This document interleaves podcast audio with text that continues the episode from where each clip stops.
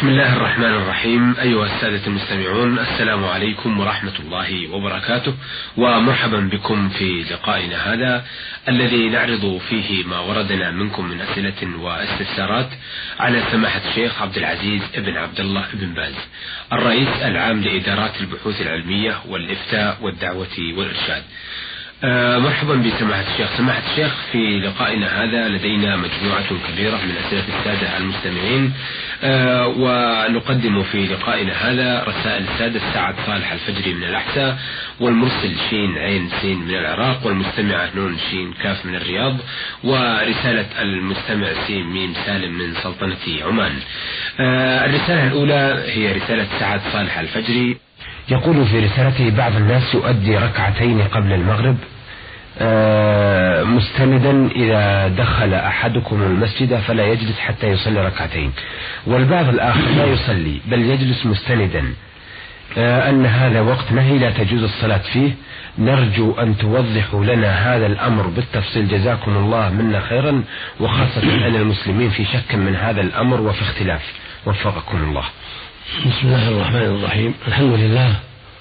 والصلاة والسلام على رسول الله وعلى آله وأصحابه ومن اهتدى بهداه. أما بعد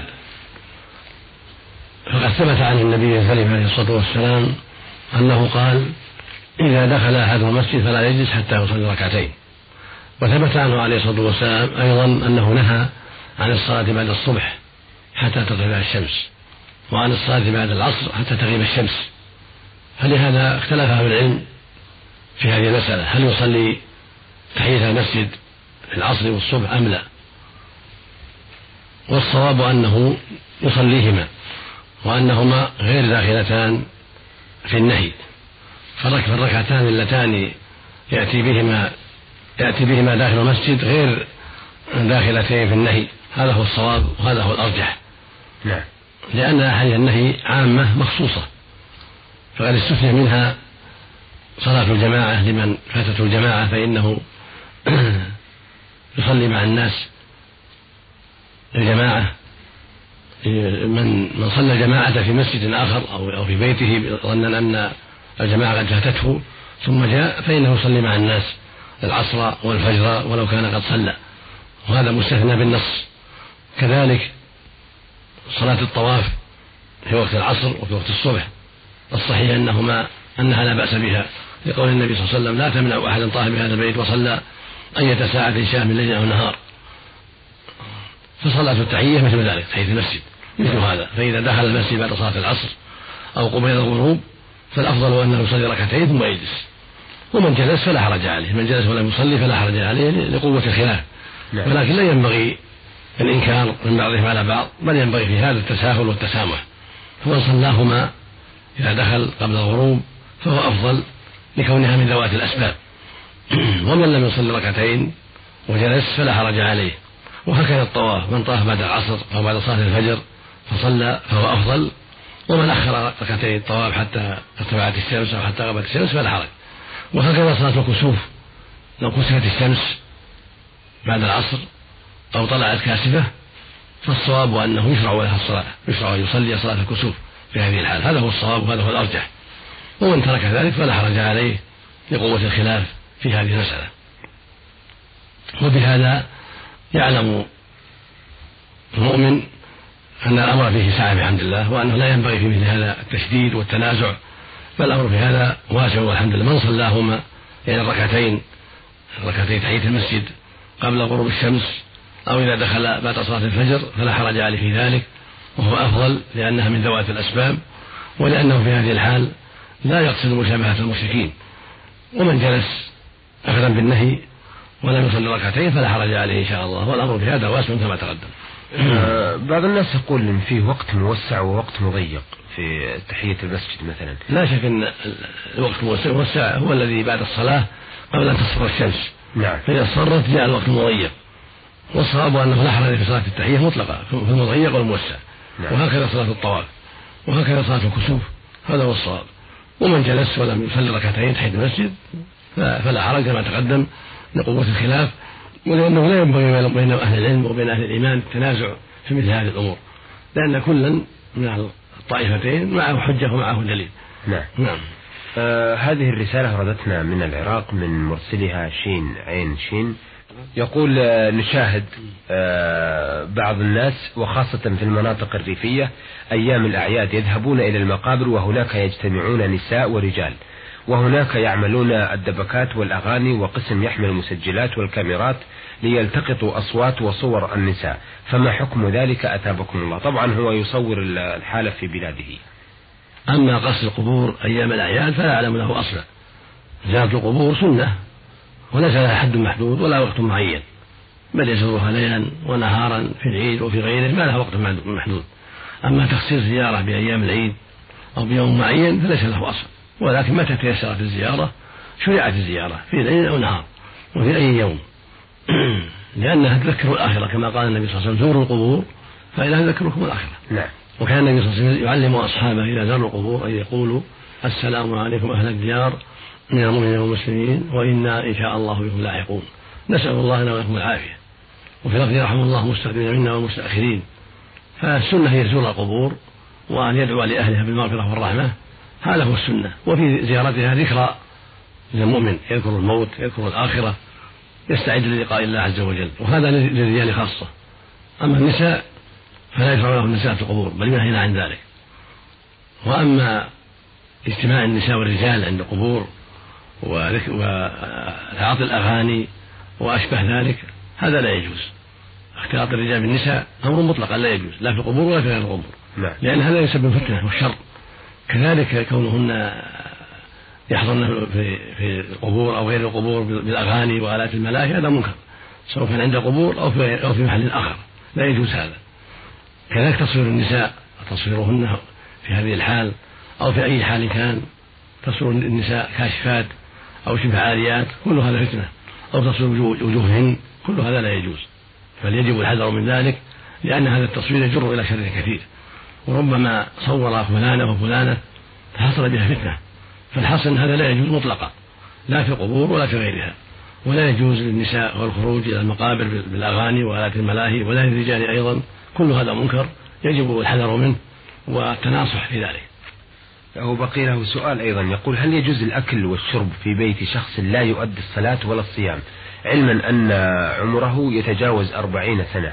فما حكم ذلك؟ وفقكم الله. هذا ولكم الذي لا يصلي لا يجوز أن تجب دعوته ولا أن يقصد شرب قهوته ولا أكل لكن وليمته. بل يجب أن يهجر ويجب أن يستتاب حتى يرجع عن باطله. فإن الصلاة هي عمود الإسلام ومن تركها كفر نسأل الله العافية. فالذي يتركها يجب أن يهجر بين المسلمين ولا يزار ولا تجاب دعوته ولا يسلم عليه. ولا يرد عليه السلام لأن ترك عمود الإسلام ولأنها أعظم الأركان بعد الشهادتين. ولهذا قال عليه الصلاة والسلام رأس الأمر الإسلام وعموده الصلاة. وقال عليه الصلاة والسلام أيضا العهد الذي بيننا وبينهم الصلاة فمن تركها فقد كفر. فالذي يتركها عمدا كافر نسأل الله العافية. يجب أن يهجر ولا يسلم عليه ولا يرد عليه السلام ولا تجاب دعوته ويجب على ولي الأمر أن يستتيبه فإن تاب ورجع عن باطله وإلا وجب أن يقتل. هذا هو الصواب فيه وهذا هو الذي عليه جمهور أهل العلم. نسأل الله السلامة والعافية. نعم. آه هذه الرسالة من المستمعة نون شين كاف من الرياض. تقول السلام عليكم ورحمة الله وبركاته. أرجو عرض رسالتي هذه على سماحة الشيخ عبد العزيز بن عبد الله بن باز. وفقه الله ورعاه. آمين. آه ما حكم من واقع زوجته في حالة العادة الشهرية؟ لا يجوز للمسلم أن يجامع زوجته في حال الحيض ولا في حال النفاس بإجماع المسلمين لقول الله سبحانه ويسألونك عن المحيض قل هو أذى فاعتزلوا النساء في المحيض ولا تقربوهن حتى يطهرن فإذا تطهرن فأتوهن من حيث أمركم الله إن الله يحب التوابين ويحب المتطهرين فاتيان الحائض من المنكرات فيجب الحذر من ذلك ومن فعل هذا فعليه التوبة إلى الله سبحانه وتعالى وهكذا مع النفساء قبل أن تطهر قبل أن ينقطع الدم وتطهر. فالحكم واحد في النفساء والحائض. فمن فعل شيء من ذلك فعليه التوبة إلى الله والرجوع إليه سبحانه وتعالى والندم على ما فرط منه وعليه مع هذا الكفارة وهي دينار أو نصف دينار. يتصدق به على بعض المساكين. كما جاء في حديث ابن عباس النبي عليه الصلاة والسلام سئل النبي عليه الصلاة والسلام سئل عمن أتى امرأته وهي حائض قال يتصدق بدينار أو بنصف دينار. خرجه خمسة أصحاب ابن خزيمة وغيره. فهو حديث صحيح يدل على أن من أتى زوجته وهي حائض وهكذا النفساء في حكمها فإنه قد عصى ربه عز وجل فعليه التوبة إلى الله والإنابة إليه والندم على ما مضى منه والعزم أن لا يعود في ذلك وعليه مع ذلك أن يتصدق بدينار أو بنصف دينار مخير. والدينار مثقال من الذهب. مقداره أربعة أسباع من الجنيه السعودي المعروف اليوم. أربعة أسباع من الجنيه السعودي يسمى دينار. ونصفه سبعان من الجنيه السعودي. أو قيمتها من الفضة والورق. صدق بها لبعض الفقراء. فإذا كان الجنيه السعودي مثلا يساوي سبعين فإن الدينار يكون أربعين. ونصفه يكون عشرين. يتصدق بها على الفقراء. وهكذا.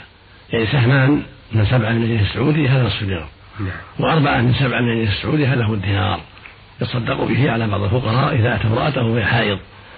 وعليه مع هذا التوبة إلى الله والإنابة إليه سبحانه وتعالى لأن هذه معصية لا يجوز من الرجل فعلها ولا يجوز للمرأة أن توافق على ذلك وأن تمكنه من ذلك عليها أن تمتنع لأن هذا من التعاون على طاعة الله ورسوله وتهاونها بهذا وتسامحها بهذا من باب التعاون على الإثم والعدوان.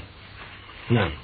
آه، في الحقيقة جاءت آه، الإجابة على سؤالها الثاني لكن نريد أن ننص عليه لكي لا يكون عندها لبس في ذلك.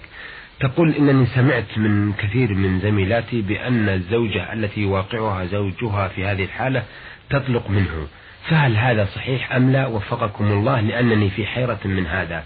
مع شكري الجزيل من المستمعة من شين كاف من الرياض. لا لا يكون طلاق. جماعة الحائض لا يكون طلاق. لكنه معصية ومنكر وعليه التوبة إلى الله من ذلك والكفارة. وهكذا والعياذ بالله جماعة الدبر. أو جامعة في الدبر لا يكون طلاقا. لكنه معصية جريمة يجب عليه التوبة إلى الله من ذلك.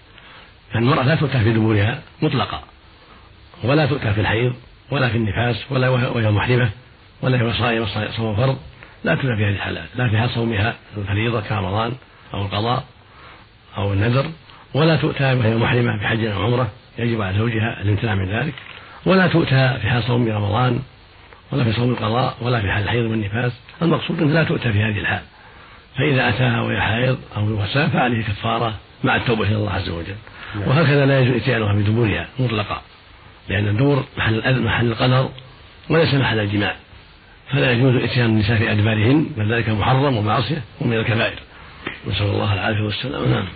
آه هذه الرسالة ولا تطلق بذلك يعني لا تطلق بكونه وطئها في دبرها أو في الحيض أو في النفاس لا تطلق. هي زوجته لكنها قد عصى ربه فعليه التوبة إلى الله من ذلك. وليس لها أن تطاوع في ذلك. لو أراد وطأها في الحيض أو في النفاس أو في الدور يلزمها أن تمتنع من ذلك ولا يجوز لها تمكينه من ذلك. بل تمتنع وتخوفه من الله وتقول هذا لا يجوز وهذا منكر وتأبى عليه ذلك. نعم. آه، من سلطنة عمان ومن ولاية سمائل وردتنا هذه الرسالة يسأل صاحبها عن السورة التي تعين على فهم القرآن. يقول فيها السلام عليكم ورحمة الله وبركاته ولكم منا جزيل الشكر والتقدير على تفضلك على تفضلكم للإجابة. آه، يقول لدي أخت تريد تعلم القرآن الكريم ولكنها يشق عليها ذلك بسبب عدم استيعابها له. فما السورة القرآنية التي تدل على الفهم وما كيفيته إذا كان يجوز ذلك؟ ولكم جزيل الشكر والتقدير على إجابتكم ونرجو إعادة الإجابة أكثر من مرة. وشكرا لكم. لا نعلم سورة خاصة تعين على حفظ القرآن أو على فهم القرآن وإنما الذي يعين على ذلك تقوى الله سبحانه وتعالى فيتقي ربه ويجتهد في طاعته سبحانه وتعالى والحذر من معصيته. هذا من أعظم الأسباب في فهم القرآن وفي حفظه. كذلك سؤال الله عز وجل ويسأل ربه ويضرع إليه ويستغيث به أن يعينه على فهم القرآن وعلى حفظ القرآن. سواء كان رجل أو امرأة فتقوى الله سبحانه وطاعته سبحانه أعظم سبب لحفظ القرآن الكريم ولفهمه كما ينبغي. وهكذا سؤال الرب جل وعلا وضراعته إليه أن يوفقك وأن يعينك حتى تحفظ كتابه وحتى تفهم كتابه. وهكذا آه، المدارسة مع بعض إخوانك ومرأة تدارس أختها في الله وتستعين بها على فهم كلام الله. كل واحدة تعين الأخرى المدارسة بين النساء والمدارسة بين الرجال والمدارسة بين المرأة وزوجها أو بينها وبين أخيها أو عمها أو أبيها. كل هذا يعين على فهم كتاب الله وعلى الحفظ وهكذا مراجعة كتب التفسير المعروفة المأمونة من تفسير ابن كثير والبغوي وابن جرير والشوكاني. هذه الكتب إذا طالعها المؤمن أو طالعتها المؤمنة لتفسير بعض الآيات هذا مما يعين على فهم القرآن. الاستعانة بهذه التفاسير وأشباهها لفهم مراد الله هذا حق وذلك من الأسباب. وبكل حال فأهم الأسباب تقوى الله سبحانه وطاعته جل وعلا والحرص على الفهم وسؤال الله التوفيق والإعانة ثم تعاطي هذه الأمور من المدارسة والمذاكرة ومراجعة كتب التفسير كلها أسباب تعين على حفظ كتاب الله وعلى فهم كتاب الله. إلى هنا أيها السادة نأتي إلى نهاية لقائنا هذا الذي استضفنا فيه سماحة الشيخ عبد العزيز بن عبد الله بن باز الرئيس العام لإدارات البحوث العلمية والإفتاء والدعوة والإرشاد.